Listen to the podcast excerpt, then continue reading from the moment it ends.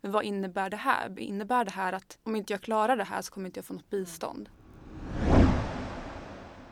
Du lyssnar på Socialtjänstpodden och idag pratar vi om ekonomiskt bistånd. Vem är jag till för som socialarbetare? Står jag på den svaga sida? Står jag på maktens sida? Min kompis sa att om man snackar med SOS så tar de barnen. Att spara pengar till statskassan genom att utförsäkra en massa människor, då biter man sig själv i svansen till slut. Och det är väldigt viktigt för Sverige att socionomer vill arbeta i socialtjänsten. De vill ha en socialtjänst där socialsekreterarna är stolta över sitt jobb. Hej och välkommen till Socialtjänstpodden. Podden för dig som är intresserad av socialt arbete och socialpolitik. Och välkomna dagens gäster Ulrika Ström och Jennifer Iver som arbetar med ekonomiskt bistånd i Sollentuna kommun som ligger norr om Stockholm.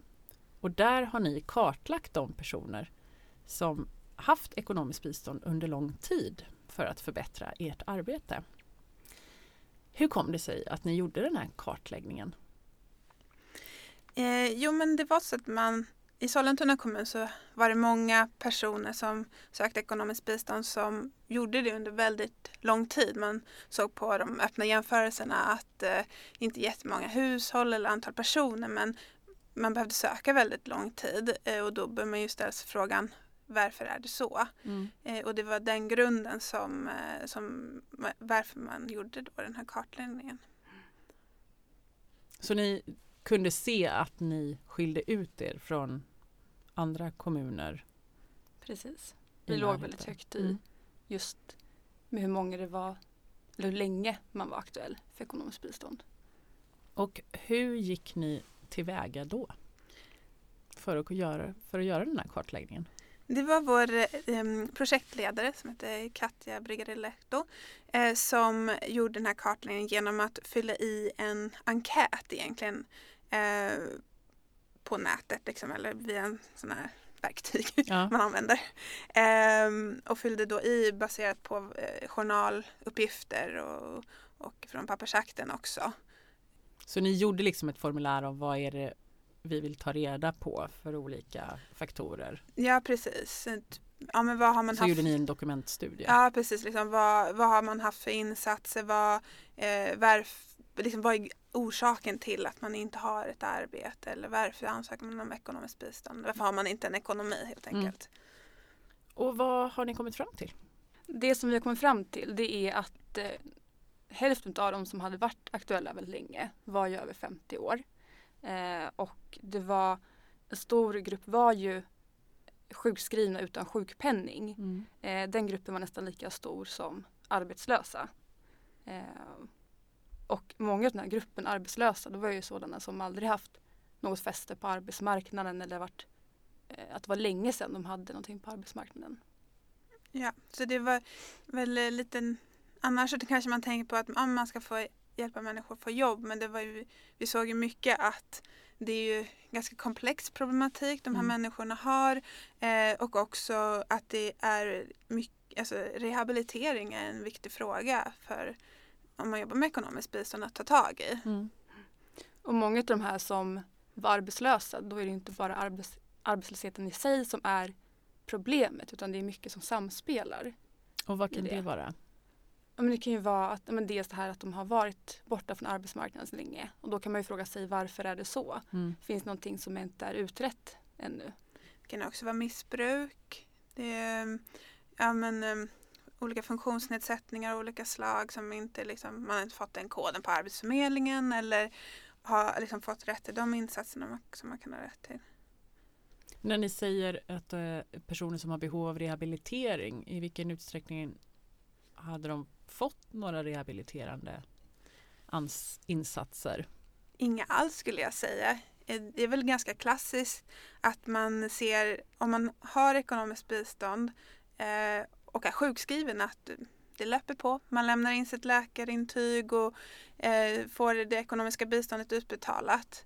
Eh, men annars har det väl varit att man inte riktigt har gjort så mycket för de här människorna. Eh, att det är liksom som en sjukskriven varit som en egentligen passiv åtgärd. Mm. Vil vilket vi ju har ju tänkt om väldigt mycket i Sollentuna och jag, jag vet också många andra kommuner som jobbar väldigt annorlunda med den här målgruppen. Liksom. Eh, och hur har det, om vi går över till det då, hur har det förändrat ert arbetssätt att ni har liksom fått syn på eh, egentligen mer samlad information om de personerna som har ekonomiskt bistånd länge? Så vi prioriterade ju några liksom, områden som vi valde att eh, ja, göra metodutveckling i och det var ju bland annat arbete med sjukskrivna, Mm. eh, också med arbetslösa och eh, personer med hög hyra och eh, som bor på tillfälliga boenden. För det var också en sån grupp som såg att vi hade de som var egentligen självförsörjande men bodde på tillfälliga boenden och på så sätt fastnade i, Mm. i det ekonomiska biståndet. För att man har för höga boendekostnader Ja, Mm, precis. för att kunna bli självförsörjande. Precis. Ehm, så jag vet inte, var det något mer som jag glömt som vi prioriterade? Det var väl de tre grupp, stora frågorna. Mm. Ja, det är ju främst de arbetslösa, sjukskrivna, bostadslösa.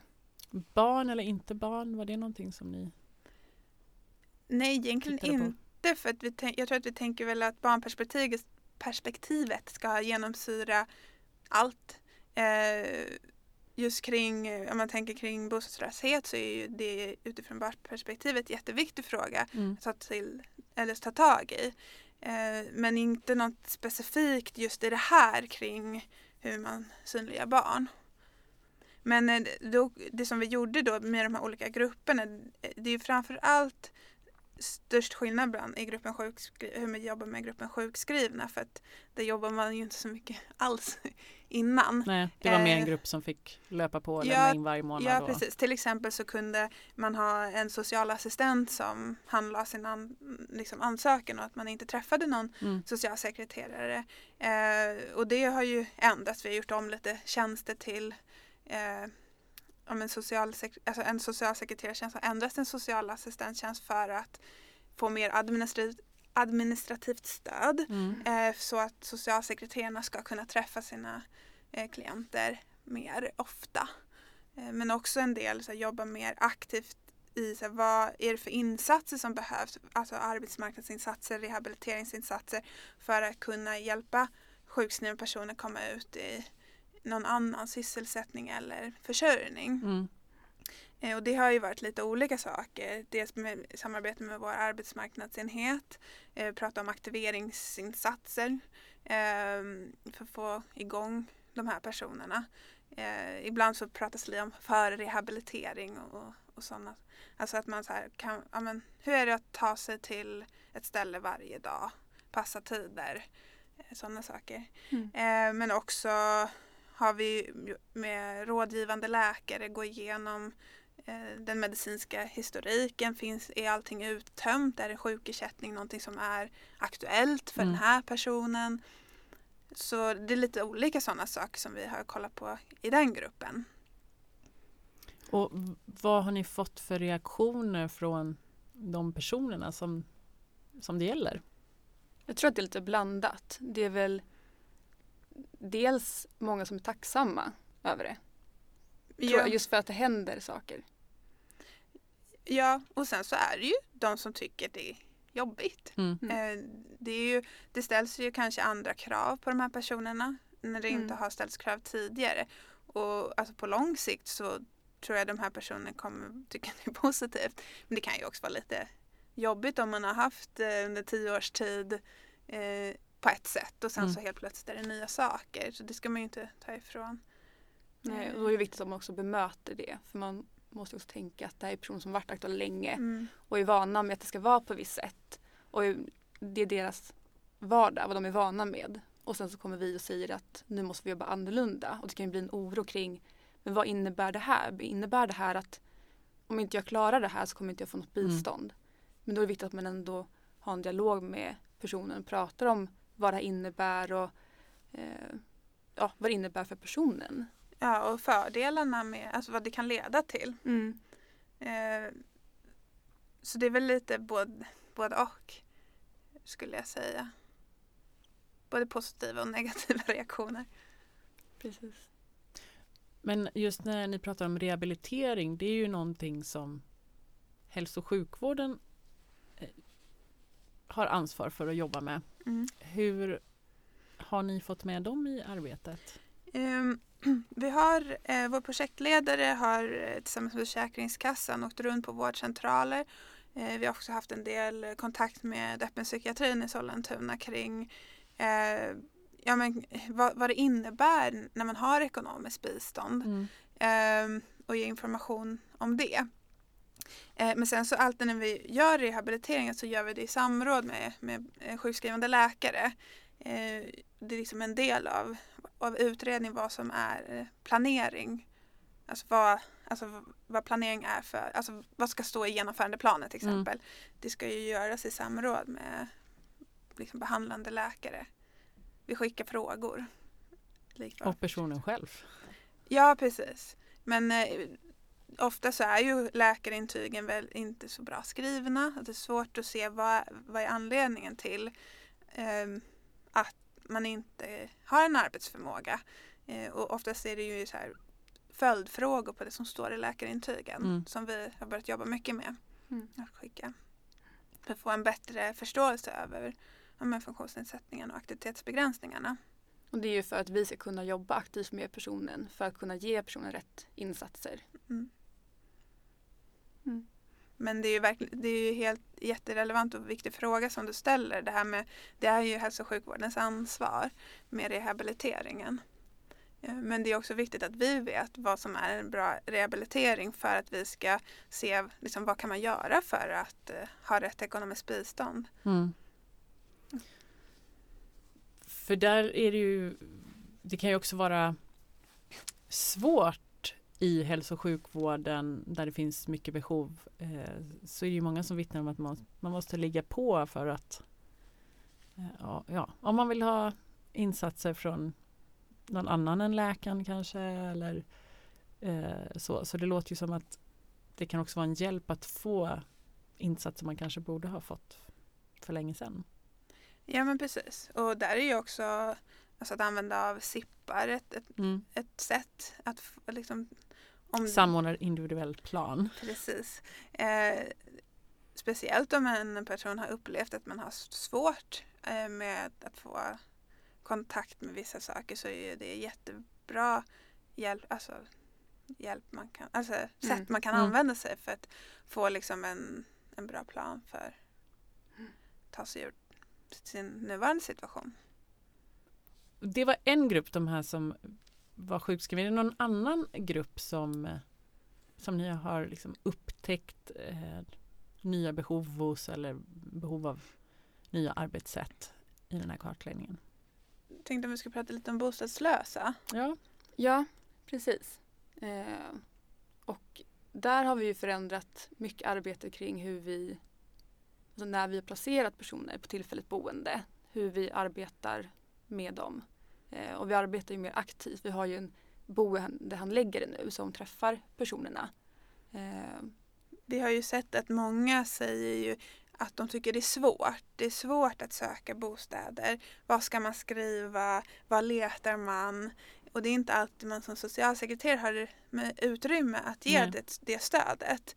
Ehm, och då har det varit väldigt bra eh, att ha en boendehandläggare som kan liksom gå in och bara eh, prata om det och ge tips och råd och, och sådana saker. Mm. Och som även vi kan använda oss av sedan för att eh, veta om man ska förlänga tillfälliga boendet eller inte. Eh, och det blir ju mer att man slipper att personer fastnar på tillfälligt boende. Mm. Och med den här boendehandläggaren eh, då så bokar man in en träff. Eh, eller vi bokar in en träff med den och klienten. Och sen så har vi också avstämningar med gruppledare och sen så den här boendehandläggaren för att se men hur går det för den här personen med att söka boenden. Eh, vad finns det mer som skulle behöva göras? och vad har det resulterat i liksom se de här det låter ju som att ni liksom jobbar med tätare kontakter och för att få till mera hjälp och stöd från både inom socialtjänsten men också från andra aktörer. Eh, har ni sett någon förändring i liksom människors möjligheter att bli självförsörjande efter att ni har lagt om era arbetssätt? Ja, alltså om man tänker kring tillfälliga boenden så har, har ju antalet tillfälliga boenden gått ner i Sollentuna. Mm. Sen man jobbar med tätare uppföljningar och, och ett annat stöd. Um, och, eh, och det, jag tror att det är väl också så bland um, eh, ja, men de andra målgrupperna. Att man alltså med tätare kontakt med sin socialsekreterare och mer uppföljning och eh, se nej den här planeringen funkade inte, vi måste göra någonting annat. Det är jätteviktigt eh, för att man ska hjälpa personer att komma ut i en egen försörjning. Eh, och liksom måste ju hela tiden ja, men, eh, upprätthållas. Mm. Man måste hela tiden Mm. se, okej okay, vi testar det här en viss antal veckor. Eh, ledde det till någonting? Vad är syftet? Det måste, alltså mycket sånt har ju vi börjat diskutera. Och jag tror att det gör också det blir ty mer tydligt för eh, klienterna men också eh, lätt, alltså, vi kan ju också så här, identifiera vad de här personerna behöver för, alltså, av oss som socialtjänst Mm. för att komma ut i en egen försörjning. Ibland har ju du vet, det lunkar på. Mm. Eh, man lämnar in sin ansökan, går på den här aktiviteten man haft i hur många år som helst. Och, och det, ju, det blir väldigt tragiskt för att då fastnar man ju i det ekonomiska biståndet och det är inte så tanken är. Och vad tänker ni är er viktigaste lärdom från det här arbetet? ja, eh, det är väl... Vi pratade lite om det här innan när vi skulle förbereda oss inför den här podden. Och jag tror att det, dels är det väldigt roligt med utvecklingsarbete men också att man, man måste ju ständigt vara, eh, vara på toppen, man ska säga. Ja. Samhället förändras ju hela tiden. Just nu Ja. har vi ju eh, en bostadsmarknad som är väldigt svår. Mm. Eh, då kommer ju det få konsekvenser. Eh, alltså, ofta så blir det ju att eftersom samhällets yt- yttersta skyddsnät är oftast inom, alltså det är ju socialtjänsten eller kommunen som har det och då hamnar det ju oftast på det ekonomiska biståndet och då måste man ju hela tiden liksom utvärdera om metoder man använder är verksamma idag. Mm. Och det tror jag att, man kan, att vi har känt på lite grann. Mm. Och insett hur viktigt det är också för att inte personer ska fastna hos oss. För det är inte rätt för individen och det är inte det som är syftet med ekonomiskt bistånd. Att man ska vara eh, på ekonomiskt bistånd i flera år. Nej. Utan man ska ju ut i egen försörjning så snart man bara kan. Ja, och vi planerar att göra en ny kartläggning nu eh, om några veckor. Mm. Eh, för att se ja, vad skillnaden är, Mm. vad, för att få lite mer, eh, ja men det har varit verksamt eller har vi nya utmaningar eller eh, nya grupper som vi måste kolla på hur vi kan jobba bättre för att hjälpa dem. Precis. För det låter ju som att, att men det är så att regelbundet ta reda på vad, vad är det för personer som är kvar hos oss länge är en sak. Men också det som ni har sagt är att, att avlasta socialsekreterare med administrativa uppgifter så att man kan, att just det här att träffa människor oftare, att kunna ställa om planeringar eller insatser är en sån sak som ni har förändrat. Ja, ja, Ja. men precis. Eh, jag tänker att det här som ni berättar det är ju liksom ett exempel på att ekonomiskt bistånd är ett viktigt socialt förändringsarbete. Eh, att jobba med olika ja, med statliga myndigheter, hälso och sjukvård, eh, olika, hitta olika resurser i kommunen. Och samtidigt så lyfts det av och till att ekonomiskt bistånd inte är något som man behöver någon särskild utbildning för eller att det inte är riktigt socialt arbete. Hur ser ni på det? Alltså jag tänker, både jag och Jennifer, vi tog väl vår examen från olika socialhögskolor för inte allt för många år sedan. Och det är ju också någonting som man hörde där, Mm. att det inte det är lite fulare socialt arbete. Men när man jobbar med det så är det absolut inte så som man tänker. Det är ju väldigt mycket träffa klienterna, alltså träffa personer som man ska, ja men, eh, ja men, som man har kontakt med och, och för att se vad, vad behöver den här personen för att liksom eh, få en egen försörjning. Mm. Och det är ju, han, det är ju inte bara det är inte bara att betala ut pengar eller att handlägga saker eller så utan det är mycket så här kontakt med andra myndigheter, eh, kontakt med eh, andra delar av socialtjänsten.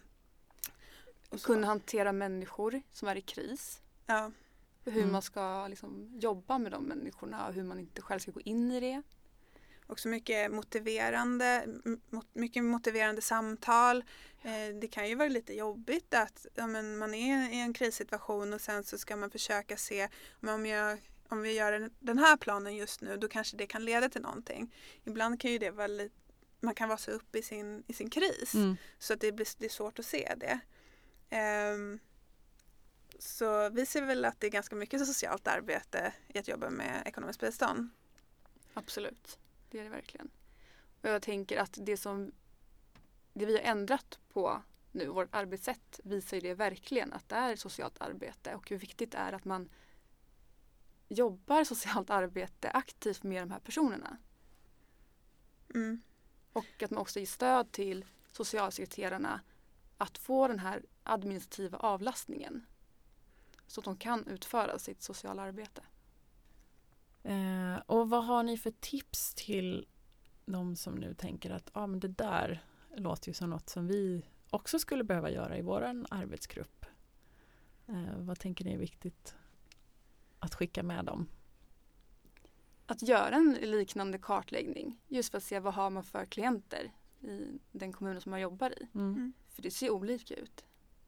Ja, bara, alltså egentligen eh, bara börja. Ja, alltså, om man gör, alltså som den här kartan var ju, tog väldigt mycket tid från vår projektledare. Mm. Som hon sa att själva var det 316 hushåll. Det är klart det tar tid. Men ehm, det, är ju, det är ju ändå så att man går igenom material som man har på socialkontoret. Och då eh, är det ju ändå, det är väl tiden som man behöver ha. Eh, men man kan ju sätta av tid, som nu när vi ska göra kartläggning nu, då ska alla handläggare eh, gå igenom sina egna klienter för att se, göra den här eh, kartläggningen då. Så det kan man ju också göra. Mm. För det låter ju som att ni har en del resurser om ni kan ha en projektledare som tittar på det, om ni kan eh, göra om en tjänst så att den blir mer administrativ och göra om en annan tjänst så att den personen jobbar mer med bostäder. Alltså jag tror att det är väldigt viktigt att ha med ledning i det här. Eh, jag tycker väl vi har väldigt bra ledning som så tycker att det är viktigt att vi utvecklar arbetet Mm. och ser att ja, men vi kanske kan göra på det här sättet istället. Det är ju svårt som socialsekreterare. Jo men jag, jag tänkte på det här. Eh, men, men också att, eh, att man har eh, alltså att politiken är med. Alltså, vi jobbar ju politiska styrda organisationer och, och vi hade ju det här samtidigt som vi gjorde det här så, tyck, så fick vi ju uppdrag från kommunfullmäktige till socialnämnden att man ska, alltså olika uppdrag för att få ut fler Sollentunabor i arbete. Så det- var ju lite tur att de tyckte jag tänkte att vi skulle göra det här när vi redan gjorde det. Mm. Så det är ju bra också att ha, ha med sig politiken om möjligt.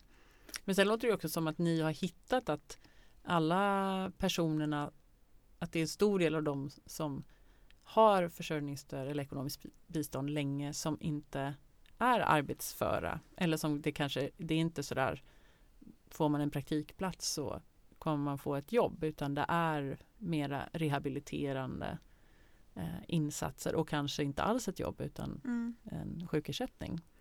Ja, men sen så vill jag också lite, lite trycka på att det, det kan ju vara för det är absolut inte alla de sjukskrivna som vi har som vi tänker är aktuellt med sjukersättning. Mm. Men just det att man kan tänka sig ja, men, en sjukskrivning som en aktiv åtgärd. Att det, är, eh, ja, men, det kan vara sjukersättning men det kan ju också vara eh, att man kan ha en anpassad anställning. Mm. Eller, alltså, det finns ju jättemycket olika saker. Men jag tror att har man underlag att visa för politiken till exempel om man tar det som exempel då är det mycket enklare att motivera varför man gör vissa saker. Mm. Så på så sätt är ju en, att göra en kartläggning väldigt bra. Mm.